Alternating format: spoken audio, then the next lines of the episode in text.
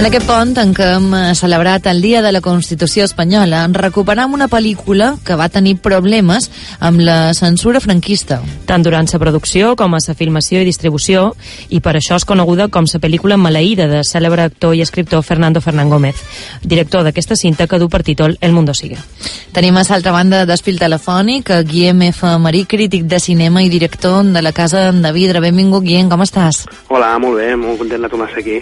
Per començar, ens pots fer cinc cèntims de, de la trama de la pel·lícula que la gran majoria dels oients no deuen saber ni de què tracta? Mm.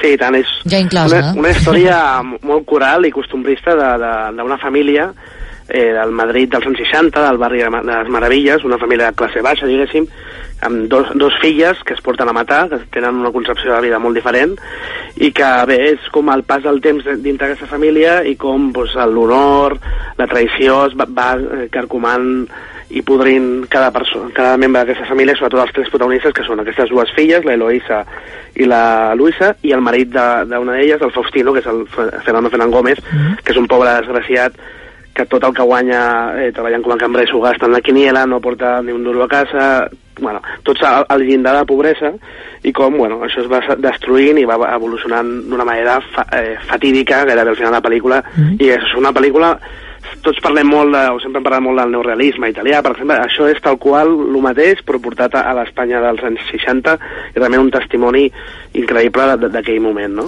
És que de qualque manera, per exemple, el personatge que ara de Fernando mm. Fernández Gómez, tots, tots són com a estereotips que tots sí. tenim dins el cap, però que de qualque manera t'entren molt. Deien que la, la gran majoria de gent no, no deu ni haver sentit mai la pel·lícula, jo confés que fins que no varen xerrar de, de xerrar aquesta pel·lícula ni l'havia sentit anomenar, i ara que l'he vista la recomanaria a tothom, i per això ho feim, però per què exactament una pel·lícula, a més d'un director com Fernando Fernán Gómez, hi surt Gema Cuervo, hi surt gent important com és, què és el que va passar perquè, perquè hagi quedat a l'oblit? Això té, té molta història, eh? té, té molta cosa enrere. Jo, de fet, igual que tu, bueno, la vaig descobrir quan es va restrenar aquest 10 de juliol passat, ens van fer un passe per la crítica i jo anava totalment verge a la pel·lícula i va ser com un descobriment del que encara estic obsessionat, eh? realment és, mm -hmm. és increïble. Llavors, la història, si rebusquem una miqueta així, clar, el primer que dius és la censura, no? però després mirant, trobes, eh, està basada en, en una novel·la d'un eh, escriptor, Juan Antonio Zurzunegui, que tenia fama de, de maleït i de gafe. De fet, els seus companys de generació del Café Gijón i de la Real Acadèmia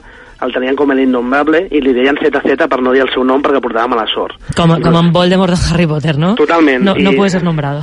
Inclús hi ha una anècdota que va, es va crear un incendi al Café Gijón per culpa del seu, del seu autògraf que, eh, bueno, això ho expliquen, hi ha un, un poeta que va arribar allà amb el, un llibre firmat per al Zunzunegui i va dir tengo la firma de Zunzunegui i llavors va saltar un altre dient no digas ese nombre va arrencar la, la, la primera plana firmada la va eh, incendiar amb un, amb un misto i llavors ho va tirar al terra i eh, va caure eh, les cendres al, al sòtan i va crear una reacció amb el carbur i l'aigua que hi havia al sòtan i bueno, va haver una explosió.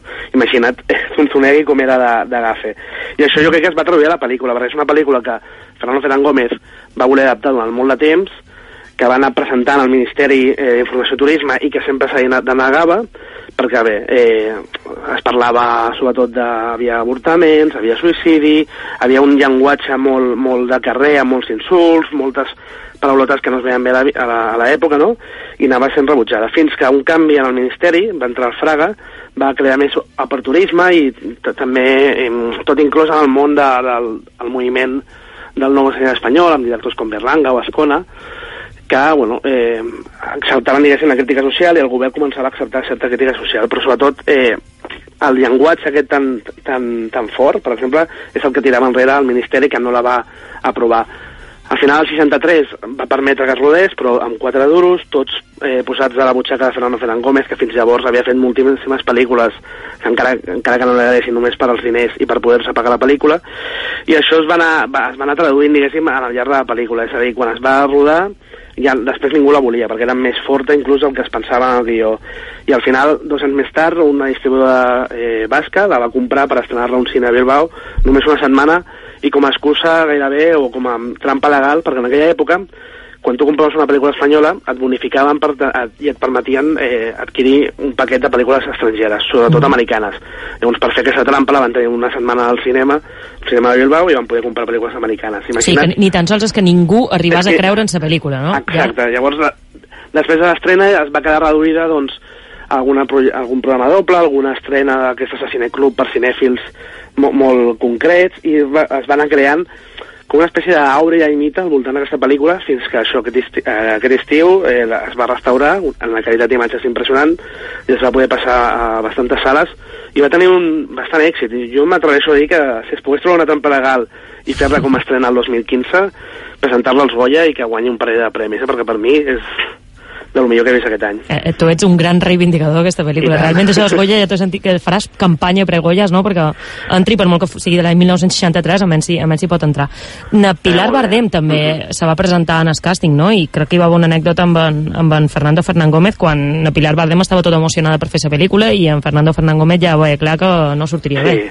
Eh, Això que dèiem del Gafe, inclús el Fernando Fernández Gómez ja ho tenia com molt dintre seu i això va arribar a la Pilar Bardem, que era la seva primera pel·lícula, tota emocionada del càsting, dient, no, me he leído la, la novela de Zunzunegui y tal, y él le va a decir, para, no digas ese nombre, ese, ese que has nombrado es Gafe y no vamos ni a estrenar la pel·lícula. Mm. Mm. Imagina't ja com, com Ja- ja ho encarava, sí. Tot i així, gent molt propera a ell deia que eh, en el fons ell tenia l'esperança que s'estrenés i que fos, entrés, diguéssim, la categoria d'això del cinema crític però reconegut, com el Verdugo, pel·lícules de Mhm. Berlanga, i ell esperava, creia que realment la gent li agradaria i l'acceptaria, però es va trobar amb això, i va ser sempre com la seva rèmora de, de pel·lícula frustrada, maleïda, i bé, però a poc a poc mira, es va convertir en una pel·lícula culta i jo crec que amb això de la reestrena i en els propers anys es, es anirà recol·locant dins la història del cinema i tindrà el lloc que, que mereix ocupar. És que això t'anava a demanar, perquè no deixa de ser curiós, o sigui, hi va haver moltes altres pel·lícules, llibres, obres censurades, i moltes d'elles després varen, varen ressorgir de qualque manera i se varen recuperar, i fins i tot obres, has anomenat El Verdugo, una obra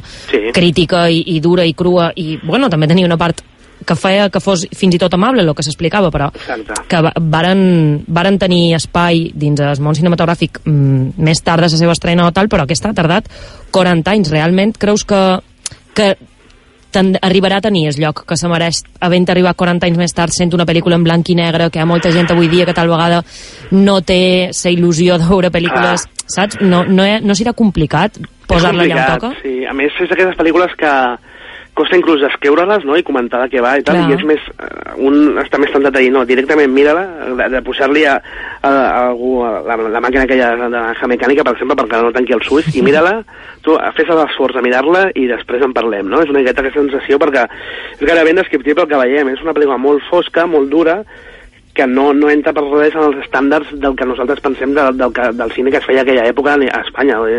Tu pens, li preguntes a qualsevol quines pel·lícules feien llavors i pensa més en les pel·lícules que es passen al cine de barrio per, per anar al tòpic, no?, de Paco Martínez Soria, Mm? però després ens trobem que es feia, es feia també aquest cinema. Es feia aquest cinema en el que, eh, malgrat eh, la- les restriccions que hi havia governamentals, es tirava endavant i, i s'intentava explicar el que realment passava.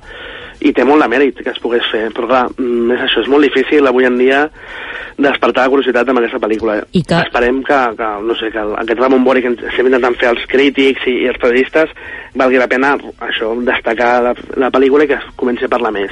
És que hi ha una qualitat que va més enllà. Jo, per exemple, ho he Sí. enxerrat, hi ha una seqüència fantàstica d'una de les filles pujant una escala teada, eh, mentre ella va pujant va repassant els moments més importants de la seva vida, de la seva adolescència, i de com a que creixes amb ella mentre ella va pujant cap a casa son pare i sa mare, no? Fa aquest retorn cap a casa seva. Mm. I això és una cosa, per exemple, en Carlos Bollero diu que és una de les 10 millors pel·lícules espanyoles. Que, Sí, sí. mm, Estiguem o no estiguem d'acord amb en Carlos Bollero. Exacte, que i mai és- estem.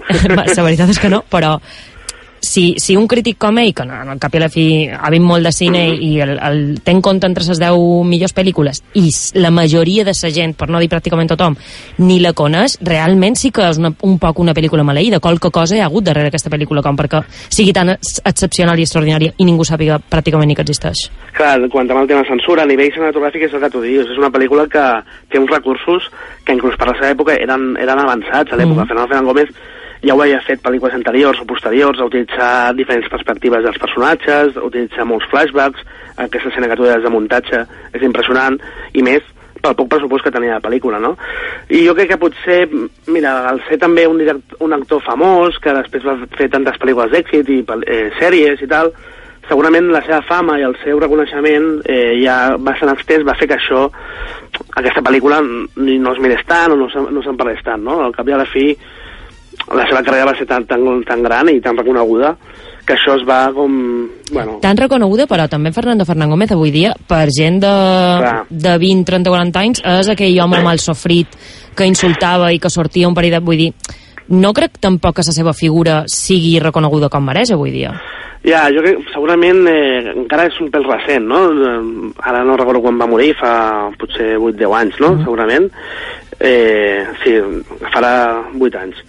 Doncs bé, clar, encara potser és molt recent, però jo crec que amb el temps es anirà, es va, es anirà perdent la imatge més caricaturesca que alguns te- teníem per culpa d'aquestes imatges que sempre sortien, no? d'ell cabrejat o de les seves declaracions, i es anirà recol·locant en la història, perquè pense, era un, era, va ser el primer cineasta que va entrar a la Real Acadèmia, realment era, va ser un lliure pensador, una, una persona que no s'amagava de res, i que va demostrar el seu talent en, en moltíssimes arts, no? de novel·la, de, com a director, com a actor. Jo crec que és un d'aquests personatges a reivindicar de la cultura espanyola el, del, dels últims 50-60 anys i que a poc a poc s'anirà fent justícia. Segurament això encara és recent, no? la, la seva amor, la seva imatge més dels últims anys, però a poc a poc esperem i gràcies a recuperar pel·lícules com aquesta n'anirà recol·locant al seu joc just. Creus que això forma part d'aquesta imatge que, que tenim molts o que té molta gent de que no se fa bon cinema espanyol perquè mos quedam en l'anècdota saps? Co- Com a que mm, no Clar, tenim en clar. compte grans pel·lícules o, o pel·lícules i, i sèries eh, que s'han fet i que, i que són verdaderes obres mestres però que pareix que han de passar anys o han de venir de fora perquè els reivindiquem vull dir, mira quantes vegades se sent això de que el cinema espanyol no fa, no fa res bo Totalment, no? I veient aquestes pel·lícules a vegades dones compte i penses, ostres, avui en dia no es fa... És difícil perquè costa molt que les pel·lícules eh, més pures, no?, a vegades o més personals arribin a, al gran públic. Per exemple, ara hi ha tota una fornada de directors joves amb low cost, com el Carlos Bermud o el Jonas Trueba, que fan pel·lícules molt personals i diferents, però que costa que arribin. Perquè al final el, tot el que arriba és això, pel·lícules molt de tòpic, molt que es queden a la superfície, i jo crec que encara, el cinema espanyol encara no ha trobat aquella veu pròpia, o aquell moviment propi, no? Pues França ha tingut la Nouvelle Vague, Itàlia el neorealisme, Alemanya l'expressionisme, Espanya encara, potser també per haver viscut tants anys en dictadura, pues va, havien, van haver trossos eh, que es van moments històrics en els que es van produir certs tipus de cinema que, que sortia fora i que destacava, doncs, com això Berlanga, Carlos Saura més tard, Almodóvar, doncs són com brots que van sortint que encara que mai han solidificat, no?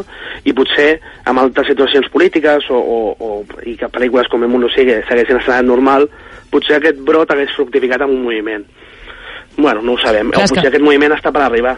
És que jo crec que també és un peix una mica que se mossega la cola, Clar. perquè sempre se xerra d'això de que la indústria no ajuda, de que les subvencions les ajudes, fa poc hi va haver tot aquest cas, s'està xerrant de les ajudes, les subvencions que s'havien donat manipulant taquilla... En el final dona la sensació que, que res contribueix a que se, se valori com s'hauria valorat cinema, el cinema espanyol o que, o que tingui l'espai que hauria de tenir. Totalment, perquè també és una indústria molt tancada en el que es diu molt de l'amiguisme, de, de les relacions entre, entre diferents membres de, dels, dels càrrecs i tal, i, i que viu molt de subvencions. Llavors, Llavors això és això que deies, un cercle viciós. I fa que a vegades certes veus eh, es tapin, no, no s'acaben de desenvolupar o tinguin, estiguin a un nitxo molt, molt, molt limitat i en canvi eh, això doncs, a altres països on hi ha més indústria i es funciona més encara que sigui amb la llei d'oferta i demanda, eh, tal qual, però això permet a vegades que, que es, es tiri més pel, pel talent i per el que la gent respon que no pas pels amiguismes i pel els truquets legals o, els fraus, com, com hem pogut veure en aquest cas que deies. És difícil, està molt viciat en general i clar, això fa que, que no puguin sortir grans noms i grans veus. Va, sempre trobem directors que fan una o dues pel·lícules bones però que després acaben com desapareixent també, no sé. És... Guillem, per, Continu. per què diries o per què recomanaries o com ho faries? Perquè ara mateix, ocho Mhm. apellidos catalanes en el cinema. Tothom hi anirà i no fa falta donar cap motiu. Vull dir, tothom ha vist l'anterior, tothom ha vist la campanya de màrqueting. Què diries a la gent que mos està escoltant perquè aquest cap de setmana, en lloc d'anar a ocho apellidos catalanes, o sa que sigui, uh, vagin a llogar, vagin a, a comprar, perquè ja el, el DVD ja, Mm. ja ha sortit, uh, El Mundo Sigue. Mira, per començar, molts cops quan veiem pel·lícules espanyoles diem oh, és, és molt bona, no sembla espanyola. Això és un... Pues, precisament Sí, aquesta s'ha de reivindicar perquè és espanyola i és una idiosincràsia molt concreta i molt ben explotada que val la pena reclamar-la, no? És tal qual, mm, idiosincràticament, l'Espanya de tota la vida, molt exagerat, no? La moral cristiana, el, el, la traïció, l'honor, que ho vivien molt a flor de pell les, les famílies d'aquella època, no tant que les d'avui, però són sentiments molt humans i una manera d'expressar-se molt castissa, no?, i molt pròpia d'aquella Espanya. També el, el, és, és com un documental social, vull dir, el tenir pocs diners per fer-la, molts plans estan fets amb extras eh, reals d'aquell moment i és com veure això, el Madrid que pot ser de Barcelona, de Palma, les grans ciutats d'aquella època, és veure aquell moment i a més també la recomanaria molt per reivindicar i per trobar figures de joves, actors que hem vist ara moltíssim de grans, però de joves, com per exemple la Gemma Cuervo, és Sí. una de les filles, és una actriu que la tenim molt vista a la televisió, no? però que era el seu primer paper protagonista en cinema i com que no es va arribar a estrenar, es va veure troncada la seva carrera com a, com a protagonista i després d'això mai va protagonitzar cap pel·lícula i, I- va quedar relegada. I el que dius, que la, la coneixem com a Clar. els papers que ha fet ja de, de major, la nostra generació, el Manco. Exacte. Mira, i però també, també podem també tro- trobar la, la Pilar Bardem, la, la Marisa Paredes, en el seu paper, el Fernando Guillén, precisament que es va casar amb la Gemma Cuervo, o, la, o el gran Agustín González, que, que bueno, jo, per exemple, recordava de petit a Los van a l'oficina, on sortia Sí, també Fernando Gómez, sí. que era, era una sèrie que bevia molt d'aquest costumbrisme espanyol als 60, pues Agustín González també fa un paperàs aquí a la pel·lícula, i recuperar el gran Fernando Gómez, jo crec que és s'ha de reivindicar la pel·lícula per això, per la seva figura tant com a actor com per director i, i com a pensador i, i persona que criticava i reflectia sobre la societat, val la pena recuperar-la. També, també crec que s'ha d'advertir el Manco que hi ha coses que no deixen de sorprendre, hi ha una sobreactuació, Sí. una, una, posa, una posa en escena molt teatral, que són coses que avui dia no estan gens avasats, hi ha moments d'Anna Luisa o d'Anna Luisa pegant uns crits, Sí. arrencant-se el vestit, que ja has d'anar mínimament mm, previngut, perquè si no dius, ostres, aquesta pel·lícula que, que m'està contant, però bueno, Clar, era, era com se feia en aquella època. Mm. Sí, i a més, és això que dèiem d'una mica trobar la veu pròpia del moment. Sí que és veritat que a vegades sembla com una amalgama d'això, de, de documental social, de neorealisme italià, i, per, i jo que potser la banda espanyola aporta aquesta caricatura molt teatral dels personatges, de la manera d'expressar-se, d'aquest castellà molt rebuscat que fan servir precisament per, per eh, sobrepassar la censura, no? Mm. I això li fa un caràcter especial. Sí, s'ha d'anar mentalitzat a veure-la, però jo crec que eh, els espectadors començaran veient-la pensant una cosa i acabaran amb una altra i serà una, una satisfacció poder veure aquesta pel·lícula i després cadascú reflexionar no? sobre el És que, que ens parla. és una pel·lícula que no deixa de sorprendre, fins i tot amb el pla inicial i el pla final, que són dues meravelles com estan posats i com, com te conten la història. Deies ara aquesta idiosincràsia espanyola, i l'altre dia llegia un article sobre un otoño en Berlín, la pel·lícula que van xerrar Sí. perquè va venir la directora en, en el programa, la Laiza Aguirre, que deia que la pel·lícula era una pel·lícula basca i que per això era una pel·lícula universal. I crec que és una cosa que se mos oblida moltes vegades que passa també amb aquesta de El Mundo Sigue, és una pel·lícula tan sobre el Madrid dels anys 60, que és una pel·lícula que, que fins i tot és moderna, que avui dia conta una, conta una història que tampoc és tan habitual que se conti de la manera que se conta, perquè en el final deies tu aborts, suïcidis, una dona que entre cometes s'adona la mala vida tal i com era concebuda, no? Mhm. Sí, a vegades, sempre s'ha dit, amb la ficció l'element més local a vegades és universal, no? perquè en el fons són, la ficció no deixen de ser excuses o metàfores per parlar d'allò real, encara que sigui exagerat, encara que sigui molt dramàtic, encara que sigui eh, portat al límit, no?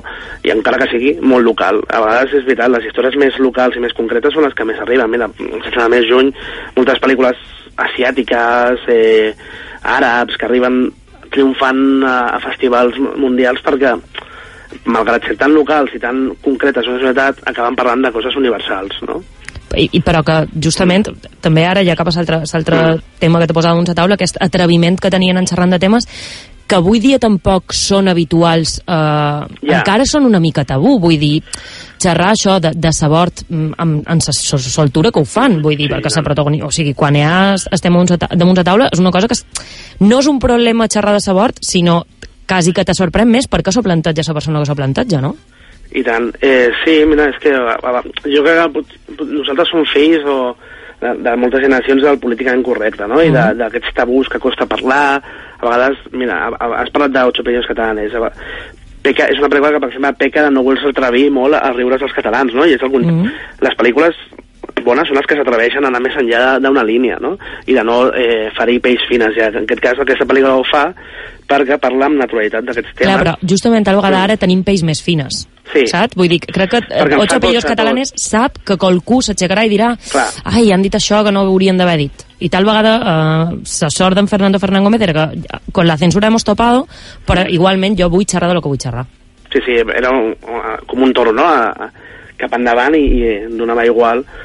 I per això potser va ser tan, tan, tan desconeguda la pel·lícula. I clar, és que avui en dia jo crec que és el conformisme no? de tots que, que fa que ostres, una paraula més o uns certs temes millor no parlar-los o ja els parlarem en altra ocasió i això es tradueix en les pel·lícules actuals és difícil, al llarg de la història vas trobar pel·lícules que eren molt atrevades al seu temps i que precisament per això no van ser tan acceptades, precisament per això, per aquest atreviment de les persones que les realitzaven. Eh, no sé, mira, mm, a vegades et trobes amb, amb directors de molta franquesa i altres que, que prefereixen a, a ser més aplaudits que diguéssim que no que, i no oferir sensibilitats. En aquest cas jo crec que el Fernando Fernández Gómez li era absolutament igual i anava a, a por el toro.